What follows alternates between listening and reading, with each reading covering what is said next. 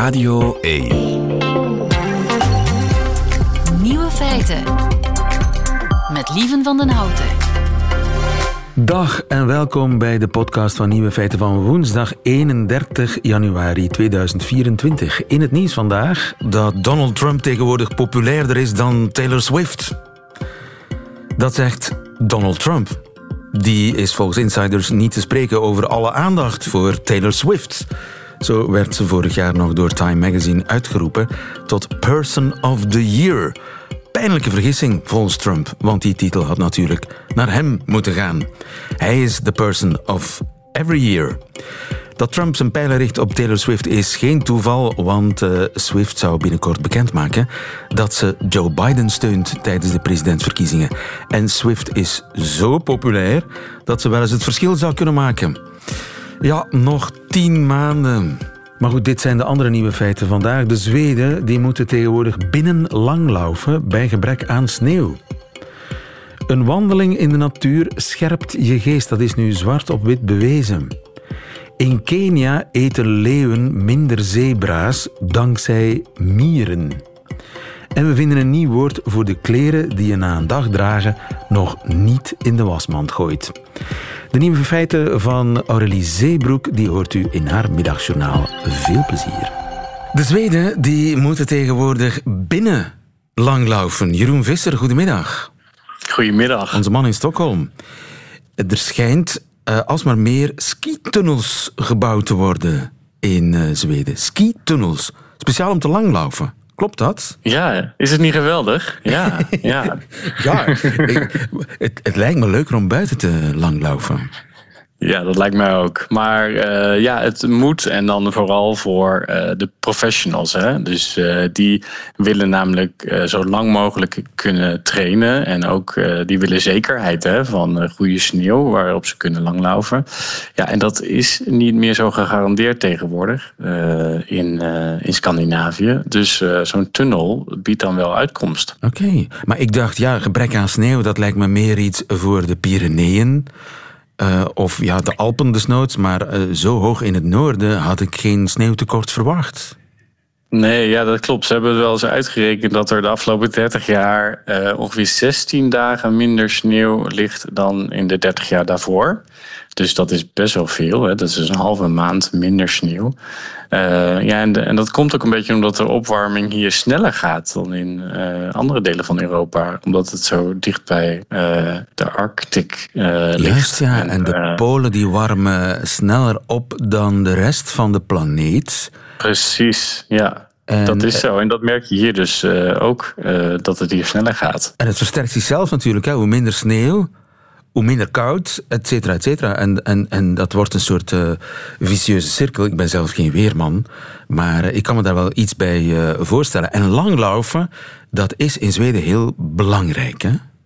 Ja, dat is, dat is echt deel van de cultuur. Dus uh, je hebt uh, op scholen wordt het gedaan en zo natuurlijk. En als hier de eerste sneeuw valt in Stockholm, dan worden er meteen van die parcours aangemaakt. Hè, want dat heb je natuurlijk nodig voor langlaufen. Je hebt een soort parcours nodig in de sneeuw waarop je dan uh, kan gaan langlaufen. dus die, die heb je bij mij in de buurt ook. Maar het, het heiligdom van het langlaufen in Zweden is de eerste week van maart. Dan is de Vasa Loppet. Ah ja, natuurlijk, de Vasa Loppet. De, Vasa, ja. de eigenlijk. Dat is echt ja. een nationale gebeurtenis. Ja, dat is, uh, dat is uh, nou ja, ik weet niet of, hoe, of er in België een equivalent is, maar in Nederland heb je bijvoorbeeld de Elfstedentocht. Ja, de, de, Ronde van Vlaanderen. De Ronde van Vlaanderen, dat is ook, uh, dat, ja, dat, dat is een, een soort hoogdag. Bijna is het een soort alternatieve nationale feestdag. Ja, en daar mogen ook uh, amateurs aan meedoen dan. Hè? Dus dat is wel een voorwaarde. Want er, er geloof ik 50.000 mensen doen elk jaar mee hier aan die Vasa-loop. Uh, het, is een, uh, ja, het is de langste wedstrijd, langlauf afstandsrace van, van de wereld. Het is en het is, hè? Het is veel, hè? Het is ongelooflijk zwaar, ja. Dat is 90 kilometer. Ga er maar aan staan. Volgens mij zou ik na 1 kilometer al... Ik heb zelf niet meegedaan. Nee, nee ik, ik ben wel een skier, maar ik ben geen langlaufer. Dat is toch wel weer een echt een andere tak van sport. Daar moet je ongelooflijk goede dijbenen voor hebben, volgens mij.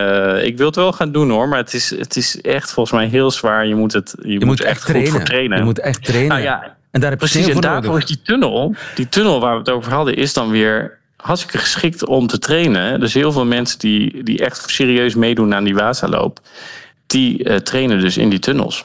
En er komen er alsmaar meer. Precies, ja. Er, zijn, er komen er meer. Er zijn ook plannen voor uh, om, om tunnels bij te bouwen. Gewoon omdat ze zo succesvol zijn, hè. Ze zijn. Je moet daar maar eens naar binnen gaan. Je hebt de temperatuur is altijd hetzelfde. Hè, omdat er, er wordt met kunstsneeuw gewerkt. Uh, verder is het gewoon helemaal overdekt in zo'n tunnel. Maar hoe lang dus is zo'n tunnel? Nou, je hebt, eh, die, die langste is in, uh, vlakbij Murby, in, uh, vlakbij de grens tussen, tussen Zweden en Noorwegen. Die is 1,3 kilometer, maar je kan ook terug. Dus hè, dat, hij is breed. Dus je kan zo 2,6 kilometer lang lopen. nou, dat is toch wel een serieuze afstand. Dat is een serieuze afstand. Natuurlijk, daar is veel plaats. Hè? Oh, want dat lijkt mij ook een enorm bouwwerk als je een tunnel van meer dan een kilometer moet bouwen. Ja, het is, een, het is een soort tunnel waar je, nou ja, een soort autotunnel, maar dan met sneeuw. En je hebt dan ook nog een biathlonruimte, want dat is, daarvoor is het ook heel geschikt met biathlon. Hè. Dan ga je, moet je langlopen en schieten. Uh, het probleem daarbij is dat ik schieten. Ja, biathlon. Ja, dat is een Olympische discipline. Ik ben er wel eens bij geweest. Dat is, je hebt heel veel last dan natuurlijk van de wind en van uh, de, de kou en veranderende omstandigheden. Waardoor het ook altijd heel moeilijk is om te vergelijken wie, wie het beste is. Uh, in die tunnel heb je dat niet, want de omstandigheden zijn voor iedereen precies gelijk. Dus dat is ook zo'n voordeel van zo'n tunnel. Uh, dan kun je dus lekker schieten en iedereen heeft precies dezelfde uitgangspositie. Ja. Jij zit in uh, Stockholm. Waar is de dichtstbijzijnde tunnel? Want je spreekt over de, de Noord-Zweedse grens. Dat is, uh, dat is een halve dag rijden, hè, minstens. Ja, ja, dat is een halve dag rijden. Dus de, de dichtstbijzijnde tunnel, dat weet ik niet precies, maar dat, die moet denk ik in Dalarna liggen. Hè. Dat is echt een de ski-regio. Dat is wel een paar uur rijden. Dat is wel, dat is 2,5 uur rijden, ja. Dus uh, daar dan, uh, ja, dus je moet, ja, je moet wel echt een professional zijn, denk ik, als je daar serieus in die tunnel wil gaan trainen. Dan, dan heb je daar echt baat bij. Ben je gewoon een amateur zoals ik, dan, uh, dan kun je gewoon in Stockholm, hier hebben we ook een piste. Als je wil skiën, kan je gewoon hier in de stad, heb je een kunst sneeuwpiste. Uh, dat is denk ik drie meter haltes van mij vandaan. Kun je gewoon lekker gaan, gaan skiën. Ja, maar dat is echt maar op kunstsneeuw. Dat is ook binnen. Nee, dat is, nee, dat is dus kunstsneeuw in Zweden, betekent buiten. Al de, alle pistes tegenwoordig, dat is ook weer vanwege klimaatverandering, hebben uh, kunstsneeuwapparaten die eigenlijk als stand-in zijn voor uh, als er niet genoeg sneeuw is. Dus echt grote ski-resorts in Zweden hebben gewoon die dingen klaarstaan voor als het moet. En in Stockholm valt eigenlijk uh, traditioneel wat minder sneeuw dan in de rest van het land. Dus daar is het altijd kunstsneeuw. Ja, die Zweden toch, hè? die hebben overal een technologische oplossing voor. Nou ja, precies. Het zijn, uh, Zweden zijn misschien een beetje conservatief als het gaat om tradities. En uh, ze moeten met kerst altijd precies hetzelfde doen, zoals elk jaar. Maar ze zijn uh, dan weer heel erg progressief als het gaat om, om technologie. Hè? Dat vinden ze prachtig. Uh, bedrijven als Spotify en zo komen natuurlijk ook allemaal uit Zweden. En, en uh, dus uh, kunstsneeuw, daar hebben ze echt helemaal geen problemen mee. Ja, en dus overal komen er nieuwe tunnels, zodat de, de Zweden kunnen blijven oefenen voor de Vasa-loop, de Vasa-loppet, die in maart plaatsvindt. Komt die zelf ook in het gevaar? Nou, er zijn nu wel incidenten geweest waarbij dus uh, delen van die. Het is natuurlijk 90 kilometer, hartstikke lang. Dus dat delen uh, dat er niet genoeg sneeuw was. Ook natuurlijk omdat al die mensen eroverheen komen.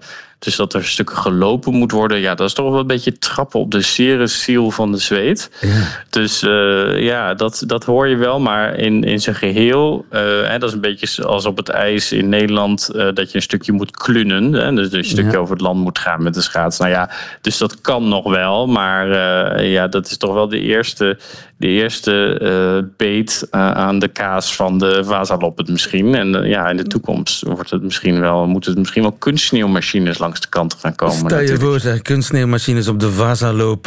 hun hart begint te bloeden, als het ware, in Zweden voor ons. Ik duim voor genoeg sneeuw in maart in ieder geval. En ooit ga je meedoen, hè, Jeroen? Ja, tuurlijk. Tuurlijk, tuurlijk. wel. Ik zal komen kijken dan. Het ontbreekwoord. Rick de Leeuw gaat op zoek naar woorden die in onze taal helaas nog niet bestaan. Ja, het hoogtepunt van de week is er. Dag uh, Rick de Leeuw.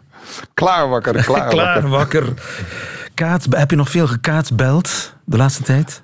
Uh, vandaag zelfs nog, ja. Ja, echt het, uh, waar? het overkomt me regelmatig. Ja, je belt iemand, en die, de verbinding wordt verbroken, je belt hem terug en die is in gesprek omdat hij jou aan het bellen is. Ja, ja, dus je probeert elkaar te bellen en je hindert elkaar in dat naar elkaar bellen. Kaatsbellen. Ja. ja. En als je dan even wacht, omdat je denkt, ik geef de ruimte aan de ander, wacht hij ook. Ja. je hebt hem al horen lachen. Hij is er ook, Ruud uh, Hendricks, uh, hoofdredacteur van Vandalen. Mm -hmm. En zoals elke woensdag jurylid bij mm -hmm. uh, dit ontbreekwoord. Want we zoeken... Wat was het ook alweer dat we zoeken dit vandaag? We waren op zoek naar een woord voor de kleding die je nog niet meteen in de was hoeft om te doen, omdat die eigenlijk nog wel een dagje mee kan. Mm. Juist, ik heb een hele berg van dat soort kleren. Die ik uiteindelijk dan toch maar in de wasmand gooi. Uiteindelijk wel, met enige vertraging, ja. Ja, ze zijn eigenlijk ja, nog te netjes om te wassen. Je denkt, ik zal het uh, over een paar dagen nog eens opnieuw aantrekken, dat truitje. En ja, dat, dat, hoe noem je dat soort kleren? Precies, Inderdaad. ja. ja. We doen het veel en ook de luisteraar van Radio 1 heeft er weinig moeite mee gezien. De stortvloed aan suggesties. Ik mag een kleine greep doen uit deze welriekende wasmand van de taal. Luister, rekgoed, parkeerkleren, mm. nekstiel, slingergoed, gunje plunje, twee draagsel, nog een kleertje, kleertje frommelfris, was te goed, was mijn nietje, was verwachters, kleren weer om, kleren weer. En, en, wat, en wat te denken van de flip-slip. Oh jee. De flip-slip. Omgedraaid, staat netjes. Ik had meer verwacht van de luisteraar van Radio 1. Dat De soort 7 komt nog. viezigheid. Nog. De flip-slip. Ja, oké. Maar dus dat heeft allemaal jouw top 7 niet gehaald. Ja. Nee, nee, nee, nee, nee, nee, nee, nee, nee. Om diverse redenen inderdaad. Uh, de top 7 daarentegen. Uh, mm -hmm. Luister. Ilse de Porter, Christine Poek en Koenraad Kallaerts komen onafhankelijk van elkaar met stoelgoed. Stoelgoed. Dat is mooi. Mooi. Dat is stoelgoed. Ja, dat is stoelgoed. Goed heeft in een samenstelling heel vaak de betekenis van textiel. Hè? Wasgoed. Wasgoed, hè. Dus stoelgoed... Witgoed. Is, uh, ja. Ondergoed. Ondergoed. Dus dat is inderdaad heel... Je goede goed. dat is inderdaad dus het textiel dat nog op de stoel hangt. Wauw, ja, vind, dat zal een, ja, dat een flinke ik, kans hebben. Ja, dat is, een, dat is zeker een flinke kans hebben. Het, is, het klinkt ook zo doodgewoon. Ja. Dus je zou het zelf kunnen zeggen. Oké. Okay. Je zou het zelf kunnen zeggen. Ja. Nummer twee. Lisbeth Rassaerts komt met schierwas. Schierwas. Ja, dat is ook mooi. Schierwas. Um, het woord maar, schier is zo mooi. Ja, het, juist, het woord schier is zo mooi. Maar het, het, tegelijkertijd denk ik zijn er heel wat mensen die, die, ze, die weten wat schier eigenlijk betekent. Zo. Ja, zo, bijvoorbeeld zo in schi, een schiereiland. Wat, wat, ja, een schiereiland is bijna een eiland. Dat is bijna een eiland. Maar hoeveel mensen zouden weten dat schier bijna betekent? Ja. Het is schier onmogelijk. Ja, Precies, schier onmogelijk. Dat is ja, een prachtige daar, combinatie. daar kennen we het wordt weinig van. gebruikt, wordt, maar de meeste ja. mensen kennen het wel, denk ik. Ja, ja maar het, ja, als ik dan vergelijk met stoelgoed, ja. hè, dan denk ik, ja, okay. schier was, maar het is... Het zou een kans zijn om het woord schier weer in te ook, laten burgeren. Ook. En het is natuurlijk, het is bijna wasgoed, hè. Schier ja, was. dus het klopt wel. Ja, het is echt wel mooi gevonden. Schierwas. Ja, oh, Stoelgoed, het schierwas. wordt vandaag Stoelgoed. moeilijk. Ik voel het. Ik voel het. Nummer drie. Geert de Cresson, hij is er weer. Geert de Cresson, Sabine Kolen, Victor Larivière, Dirk van den Steen en acht anderen onafhankelijk van elkaar komen met is goed. Ah, dat was ook een leuke woordspeling. Ik snap hem niet. Is goed? Oh, je snapt hem niet. Dus het was ooit goed en het is nog steeds goed. Oké. Dus Oh, het maar als hem aan niet snapt... Wauw. Rick, dit is nog nooit gebeurd, denk ik. Nee, dat wij nee, twee nee, en nee. allebei snappen en, en Lieven niet. Ja, of dat jij vrolijker eh, wordt van de inzendingen dan ik. Ja. Wat zat er in jouw ontbijt? Vind ik, begin ik me af te vragen. Oh, misschien te veel suiker of zo. Eh, is goed, oké. Eh, is goed, ja. Dus Maar ja, het is was goed. Ik vind het een beetje vaag. Het is ja, goed, het is een beetje vaag, maar ik goed vind het echt wel mooi gevonden. Ja. Maar het is inderdaad wat vaag en, het, en, en daar moet ik uiteindelijk over oordelen. Hè? Ja. Van Ja, ja. Hoe, hoe, hoe bruikbaar is het? Maar, Nummer Ja. vier. Ja. Nummer vier. Peter van Rooij komt met okselakkoord. Dat begrijp ik nu niet. Okselakkoord. Ah, wel ja, dus de, de, hij heeft de oksel gecheckt en het was oké. Ja, Zo. Oh. het okselakkoord. Het geeft een, een Ja, ik word er niet wild is- van, want ik, ik begrijp hem echt niet goed. Het, het, Okselakkoord. een okselakkoord, maar daar dat liggen okselakkoorden. Dat, kan toch nooit verwijzen naar het, naar het wasgoed zelf? Ja, nee, ik doe me aan daar, muziek denken ook. Daar ligt nog, nog okselakkoord. Nee nee nee, nee, nee, nee. dat is... Okselakkoord lijkt me iets uit de muziek zo. En dat, ah, toen oh. kwam er een okselakkoord. Oh, een okselakkoord. Ik weet niet wat het is, maar... Uh. Goed. Het klinkt. Hm? Nummer vijf. Nummer vijf. Eddy van Bokstal, eh, Gert van der Kapelle, Patty Erkens, Carine van der Vorst. Lea van der Heuvel. En drie anderen komen onafhankelijk van elkaar met snuffelgoed. Ah, dat is ook mooi. Snuffelgoed. Ja, dat is ook mooi. Ik heb eraan gesnuffeld aan dat En- goed. en het is goed bevonden. Het is Ja. goed bevonden, ja. Ja, oh man, dit is ook goed. Snuffelgoed. Dat is allemaal Ah ja, dat vind ik ook mooi. Besnuffeld goed. Ja. Ja, ja. Oh, dit, oh god, dit wordt onmogelijk vanmiddag, denk ik. Hij begint al een beetje te Het wordt nog zweten. erger. Het wordt nog Het erg. wordt nog erger. Oké, nummer zes. Tien Stroven. Renild Mampuis. Heidi Assé. Sarah Morias. Piet Himpens. Jan Naulaerts. En 21 anderen komen onafhankelijk Nou. van elkaar met recycleren. Dat zijn recycleer, maar de mondhoeken gaan hier naar beneden. Ja, ja, ik weet wel nu. Het is, niet, de, de het is de van klemtoon die het doet, hè? Ja, het dus zijn het is niet recycleren. recycleren, maar Het zijn recycleren. recycleren. Ja, weet je, dat is weer zo'n samentrekking, zo'n vlechtwoord van. En, en het echte recycleren zal in de weg zitten hoor. Het is. eh, nee, ik vind, als, ik vind de andere eerlijk gezegd beter. Ja. Dus het argument van de, de massa natuurlijk. Vaak, Mhm, gere- vaak, vaak genomineerd, maar Ja. de andere vind ik. Het is natuurlijk, dit is een grap, hè? Dit is weer een, Het is een grap. grap en dat is één keer leuk. Ja, ja. En als de grap eh, twee keer verteld is of drie Ja. keer, dan, dan gooi je hem weg. Ja. Dus die kleren vliegen toch in de was. Ja, ja. Ik, ik, Want het probeer, woord- ik het probeer woord. het me voor te stellen. Zou ik ooit zeggen, daar ligt nog een stapeltje recycleren. Nee, nee, het nee. Ja, Ja, nee, nee. dat, dat kunnen ook Nee. kleren zijn om te recycleren. Die, Ook die je naar, dat is naar, het. naar die Ja.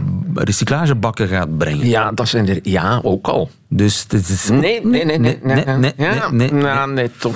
Ondanks de massa. Ondanks de massa. Ondanks de massa. Nog eentje. Kijken wat, kijken wat Guido van der Wiel, Frans Sloekers en Cor Kanepeel onafhankelijk van elkaar nog hier aan kunnen doen. Cor. Die komen met. Ja. Prachtig hè? Ja. Eh, die komen met wederdracht. Weder. Een wederdracht.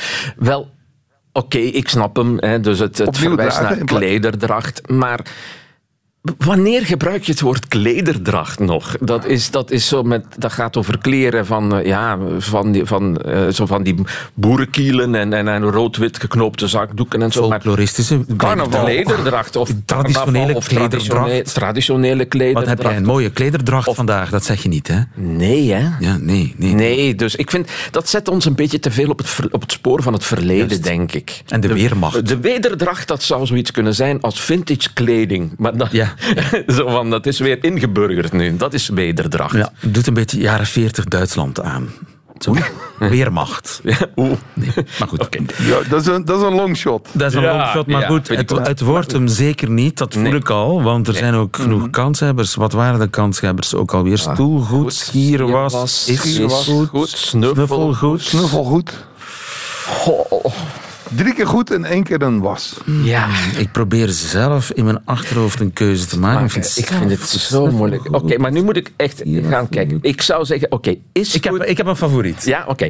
Ik ben aan het elimineren. Ja. Ehm, schierwas zou ik heel mooi vinden door dat oude woordje schier. Maar ik ben een beetje bang dat heel wat jonge mensen het helemaal niet begrijpen als hun moeder zegt van leg het maar op het stapeltje schierwas. Ja. Ja? Ehm, is goed is een woordspeling en oké. Eén keer leuk, twee keer leuk, drie keer niet meer. Dus het gaat voor mij tussen snuffelgoed en stoengoed. Maar nu. Hebben jullie argumenten voor of tegen een van de twee? Mijn voorkeur zou naar Schierwas uitgaan. ja, dat, ja, dat dacht ik al wel. Ja, maar die is al Ja, afgevallen. sorry. sorry. Ja. Eh, ik ja. zou gaan voor stoelgoed. Dat is omdat het het, net iets meer... Maar kun je het dan ook op de rand van de badkuip leggen? Stoelgoed. Wat ik altijd doe. Ehm, Dat is een goed argument. Daar heb ik geen antwoord op. Heerlijk gesprek dit. ja.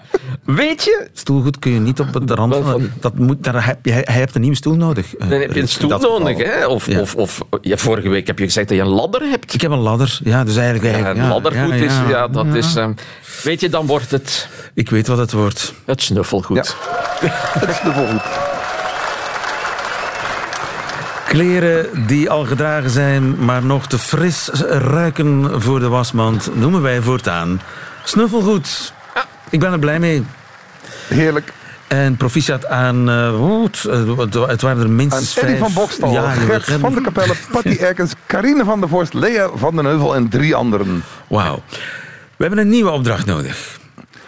Rick. Ja, luister. Je koopt een nieuwe auto en opeens zie je dat type auto overal rijden. Je been moet een paar weken in het loopgips en opeens zie je overal mensen met loopgips. In de psychologie wordt dat fenomeen de frequency illusion genoemd. Maar dat is Engels en het zijn twee woorden. Ja. En wij zouden daar graag één Nederlands woord voor vinden. Iets wat je Herken je niet... Herkenbaar? Ja, ik- zeer herkenbaar. Ik had, het, ik had het enkele dagen geleden nog. Toen las ik eh, de uitdrukking DL. Dus eh, Engels. Amerikaanse Engels, denk ik. He was DL. Ja. DL. Wat is dat? Ja, dat is down low. En dat is een soort eh Ah. homo-slang voor... Ja, niet echt in de kast, maar toch bijna. Heel erg low profile. Down Ah, low. ja, oké. Als homo. DL. Mhm, ja. En sinds ik dat weet, heb ik dat zeker al vier of vijf keer ergens anders gehoord of gelezen. Ja. Terwijl, ja, dat, is, dat kan geen toeval zijn. Ik moet dat daarvoor ook... Maar mijn ogen zijn daar tuurlijk. overheen Ja, ja. gegleden. Die- Mijn- Ik heb het niet gehoord, niet gezien, tot ik wist wat het was. En dan zag ik het overal. Het zijn zoals, zoals die mensen, die klachten die we hier vaak krijgen, van jullie gebruiken te veel Engelse woorden. Nee, je hoort elk Engels woord dat je wilt horen. Terwijl dat er misschien maar twee of drie op een heel uur zijn. Ja. dus, eh, en intussen hebben we duizenden andere woorden uitgesproken. Ja, ja, ja, of je ziet één ding voor het eerst, denk je, en dan plotseling eh, is het overal. ja. Ik vind het een moeilijke opdracht, maar wel heel herkenbaar. Ja. Dus als er We mensen zijn benieuwd. We zijn heel erg benieuwd. Help ons. En volgende week kiezen wij dan eh, uit al die inzendingen een eh, nieuw ontbreekwoord. Eh, reageren kan via de ontbreekwoordknop op de app van eh, Radio 1 of gewoon via radio1.be. Tot volgende week. Heel graag. Nieuwe feiten. Radio 1. Wijlen de Queen die wist het al. Een stevige wandeling in de natuur doet wonderen. Lost bijna alle problemen op. En dat is nu ook wetenschappelijk aangetoond. Nathalie Michels, goedemiddag. Goedemiddag. Je bent psychologe aan de Universiteit van Gent. En collega's van jou in Amerika die hebben een eh, ja, boeiend experiment gedaan. Om te testen wat de invloed is van een flinke wandeling in de natuur op de mentale focus. Klopt. En ze hebben dat vergeleken met een stadsomgeving. En dus twee groepen. En eh, daar zagen ze dat vooral de mensen die in de natuur gingen wandelen, dat die beter waren in de aandachtstaken die ze moesten uitvoeren. Ja, want ze hebben ze echt gemarteld, hè? Ja, ja, lichtjes. Hè? Want er waren een honderdtal proefpersonen en die hebben ze eerst eh, een, ja, een heleboel hoofdrekentaken gegeven. Ja, dus die rekentaken, dat is in feite voor te zorgen dat ze hè, hun aandacht wat gaan opgebruiken en zodanig dat ze volledig kunnen herstellen. En wat is de bedoeling? Als je de natuurwandeling zou doen, theoretisch gezien verwachten we dat die aandacht zich gaat herstellen. Aha. En dus ze moesten van duizend naar nul tellen in sprongen van zeven. Dus telkens min zeven doen. Ja, dat is ja. verschrikkelijk, hè? Verschrikkelijk. 1000, 993, 986 en dan eh, 879. Begin maar, hè, en zo naar nul. Voilà. Op het einde ben je echt uitgeput, murf. Dat is de bedoeling. En dus dan hebben ze die, die 100 proefpersonen in twee groepen onderverdeeld. De ene moest door het par- park wandelen en de andere op een parking. Dat klopt. Want het is een parking, maar ook eh, een straat. En dus een, Ja. een urbane, een stadsomgeving. Ja. En daarna kregen ze weer een hersenkapje op en moesten ze weer aandachtstaken doen om te checken wat er met hun eh, mentale focus was gebeurd. Ja, dus die mentale focus was op twee manieren gemeten. En dus dat kapje is voor de elektrische activiteit van de hersenen. En dan kun je echt fysiologisch gaan meten hoe dat de aandacht is. En het andere is het computertaakje, eh, waarbij dat we kunnen gaan kijken hoe snel dat ze gaan reageren en het taakje gaan oplossen. Ja, en wat bleek?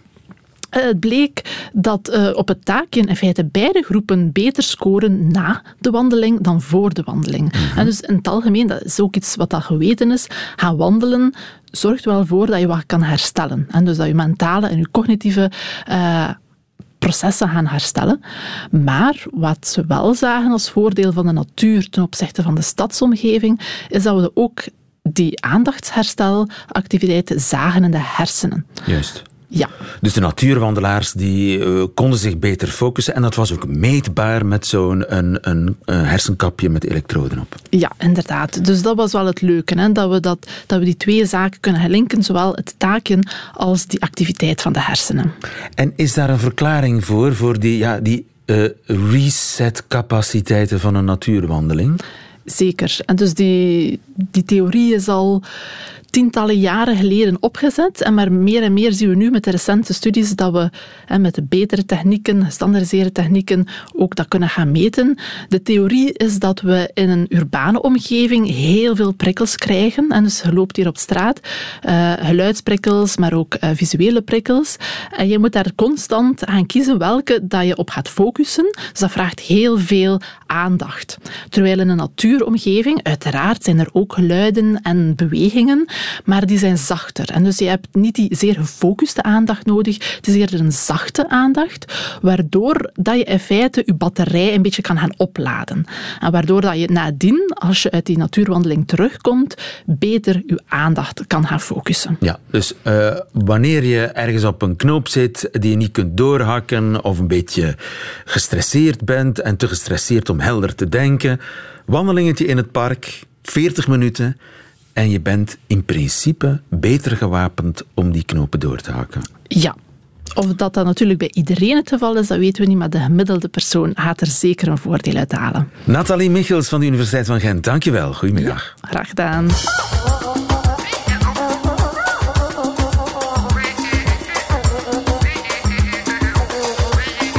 Nieuwe feiten. Radio 1. Mieren dwingen leeuwen om geen zebra meer te eten. Dat allemaal in Kenia. Dirk Drouwlands, goedemiddag. Goedemiddag, lieven. Je bent onze bioloog des vaderlands en ook knakjournalist. Er is geen enkel dier zo imposant als de leeuw, hè? Eh, nee, dat is correct. Ja, als je het echt op niveau van toppredator bekijkt, Juist, eh, dat en zijn leeuwen. Toch Eh, moet hij de duimen leggen voor zoiets nietigs als de mier. Wat is er gebeurd? Ja, die weet dat natuurlijk niet, die leeuw, maar eh, ehm, er is daar in de Keniaanse eh, struiksavanne een heel raar verschijnsel gebeurd. Iets waar dat wij trouwens ook last van kunnen krijgen. Oei. Namelijk, ze hebben daar last van eh, invasieve, agressieve mieren. Er is daar een nieuwe mierensoort opgedoken, waar dat men nog altijd niet precies van weet waar dat die eigenlijk oorspronkelijk vandaan komt.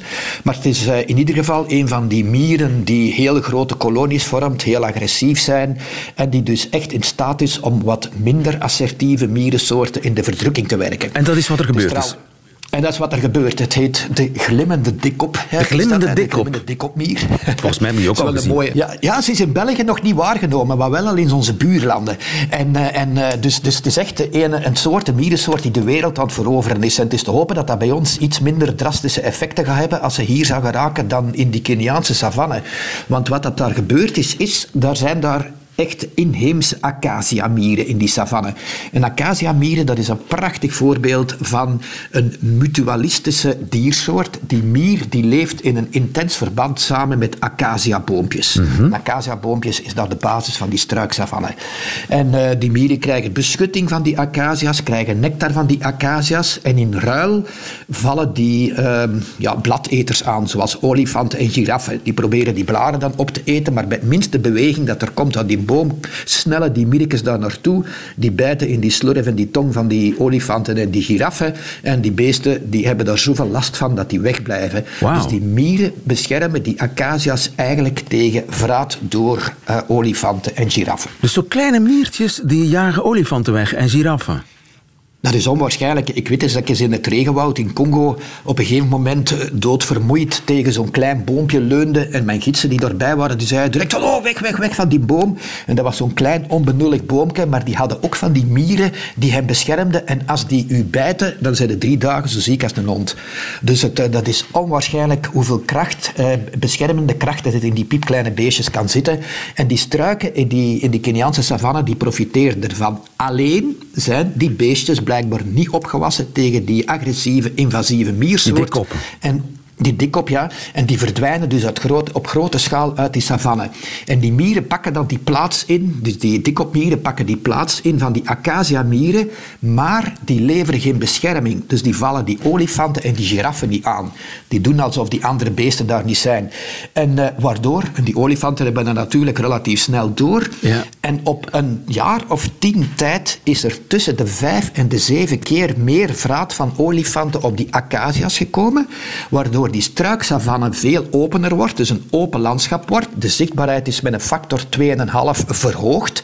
En omdat leeuwen alleen maar zebra's kunnen pakken als ze vanuit een hinderlaag kunnen jagen, zien die zebra's die leeuwen veel van verder aankomen en is het succes van de zebrajacht door de leeuw met een factor 3 verminderd. Dus die vangen gewoon veel minder zebra's als een gevolg van het feit dat die acacia's niet meer beschermd zijn tegen die bladeters zoals uh, de olifanten. Dus dat is echt een cascade van oorzaken en gevolg en nog een gevolg en nog een gevolg. Dus dat is een, klein, een kleine wijziging in het ecosysteem en een soort waterval. Ja, het is een relatief drastische wijziging. Hè. Je, hebt, je, hebt, uh, je hebt dus eigenlijk een soort interactie die verandert. Hè. Want dat, uh, die interactie tussen die acacia-mier en die acacia, dat noemen we mutualisme. Dat is een symbiose met een voordeel voor de twee partijen. Maar die interactie tussen die dikopmier en die acacia, dat is commensalisme. En dat is met een voordeel van één partij. Mm Die mier doet geen kwaad voor die acacia, maar die acacia heeft er ook geen voordeel nimmer, nimmer aan. En zo zien we over heel de wereld als gevolg van allerhande veranderingen, de klimaatopwarming bijvoorbeeld, maar bij ons ook de stikstofoverlasten, die, die schimmelnetwerken in de bodems waar dat plantenwortels mee interageren, compleet overstuur jagen. Je ziet dus in heel de wereld een afname van die echte mutualiste samenwerkingsverbanden en uh, vervangen worden door minder intense relaties, waardoor een heel systeem op de helling komt te staan. Ja, ja. Je zou dat als een, vol, een vorm van omvolking kunnen beschrijven met een groot effect. Ja, want dus die, dus die acacia is zijn, is zijn legertje, zijn bodyguards eigenlijk kwijt. Ja. Uh, het punt is dat we niet goed weten. In de studie wordt niks gezegd over het succes van de olifantenpopulatie. Want je zou dan verwachten dat die sterk toeneemt. Omdat mhm. die veel meer van die acacias kunnen eten. Maar misschien is de tijd te kort, hè, omdat dat lang duurt voordat die populaties zich aanpassen. Maar die leeuwen, die gaan niet achteruit. En dat is dan heel raar. En blijkbaar hebben die leeuwen op relatief korte tijd een switch gemaakt van, van minder op zebra's jagen, maar meer op buffels jagen. Buffels die gemakkelijker te bejagen zijn. Allee, toch niet vanuit een hinderlaag. Maar ze moeten dat wel bij grotere groepen samenwerken. En dat is ook een groter risico, omdat die beesten agressiever zijn. Maar tot een jaar of twintig geleden werd er in die, die savanne in Kenia geen enkele buffel de leeuwen gepakt. En nu is al bijna de helft van hetgeen dat die leeuwen vangen zijn buffels. Dus die zijn wel op heel korte tijd hun systeem gaan omswitchen. En dat is dan ook weer een verder trapje nog hè, van, die, van die verandering van cascades als gevolg van de indringen van die glimmende dikop. Dus de buffels zijn echt de pineut naast natuurlijk de acacia's zelf, de struikjes. Ja, dus het is een, eh, de ene is in het voordeel en de andere is in het nadeel. Dat is altijd zo als het in de natuur uh, over veranderingen gaat. Het, uh, en die, het is natuurlijk zo, het draagt weer al bij tot een verdere dus, veruniformisering van de leef, het leven op aarde. Het is die, die, die invasieve diersoorten en plantensoorten die wij door ons, want dat zijn wij die die beesten verhuizen met potgrond en met transport en tuinplanten en zo. En zo krijg je dus echt een verarming van, van, van de fauna en flora. Ja. En daar is niets meer aan te doen. je, je, kunt die, dik, die dikkoppen kun je niet... Ja, verdelgen. Dat, kan, dat kan krijg je er niet uit. Dat krijg je niet, nooit meer uit. En we hebben bij ons al we hebben plaagmieren, we hebben Argentijnse mieren, de rode vuurmier is op komst, dat is de lastiger. Die is uh, onlangs in Italië gezien voor het allereerst. Een mier uit Zuid-Amerika die geweldig hard kan steken en die waarschijnlijk Europa gaat veroveren.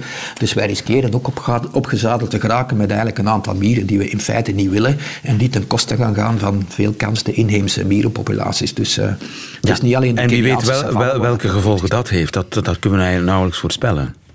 Ja, die, die, eh, die plaagbier bijvoorbeeld, dat is ook zo een die superkolonies vormt en die bijvoorbeeld onder straten gaat, maar dan straten kan ondermijnen. En in Oostende, geloof ik, is er al zo'n situatie geweest waar de plaveien in straten naar beneden beginnen komen, omdat die ondergraven worden door die mieren. Dus uh, het, is, uh, het is geen zegen, die invasieve diersoorten. Helder. Dirk Drouwlands, dankjewel. Goedemiddag. Goedemiddag, lieve. Nieuwe feiten.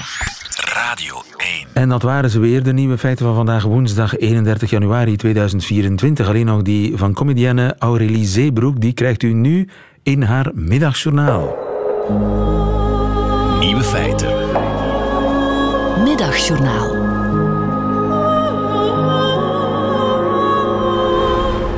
Beste luisteraar. Overal krijg ik te horen dat wij mensen onze toekomstige generaties moeten redden. Want mijn leven en dat van mijn leeftijdsgenoten ligt in handen van de 60-plussers. Als jongere kun je niet meer veilig over straat met een flesje water uit de supermarkt. Laat staan dat je de uitwerpselen van je hond in een plastic zakje stopt. Laat hondenpoep op de stoep, red de schildpadden. Je kunt je tanden poetsen met een houten tandenborstel. Al vallen de haartjes er al uit na twee dagen. Red de tandenborstels die lijden aan alopecia. Op een vreemde website zie ik een artikel over hoe plastic de wereld stuk maakt en je dus beter voor tweedehands kunt kiezen. Maar alle materialen om plastic te maken lagen hier toch al op aarde? Wie weet liet moeder aarde de mens ontstaan, zodat we met z'n allen plastic zouden beginnen maken. Onze planeet had een samenwerking met plastic nog voor Eva uit de allesbepalende appel beet. En ja, de schildpadden die lijden er wel onder, maar enkel narcisten geloven in het feit dat de mens de planeet kan redden. We kunnen nog niet eens vrede sluiten met onze jeugdtrauma's. Als je het aan mij vraagt, wil de aarde het menselijk ras zo snel mogelijk uitroeien om vervolgens monogaam te gaan leven met plastic. Zonder ijsberen, zonder kinderen en vooral zonder schildpadden. En dat begrijp ik best. Mijn conclusie is: Moeder Aarde is een narcist die de mens heeft uitgebuit tot hij zo hopeloos werd dat hij zelf plastic ging maken.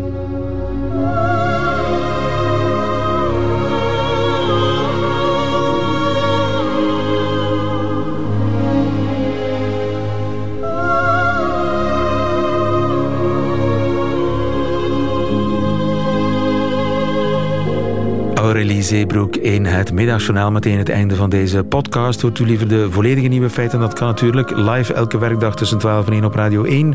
Of on demand via de app van VRT Max. Tot een volgende keer.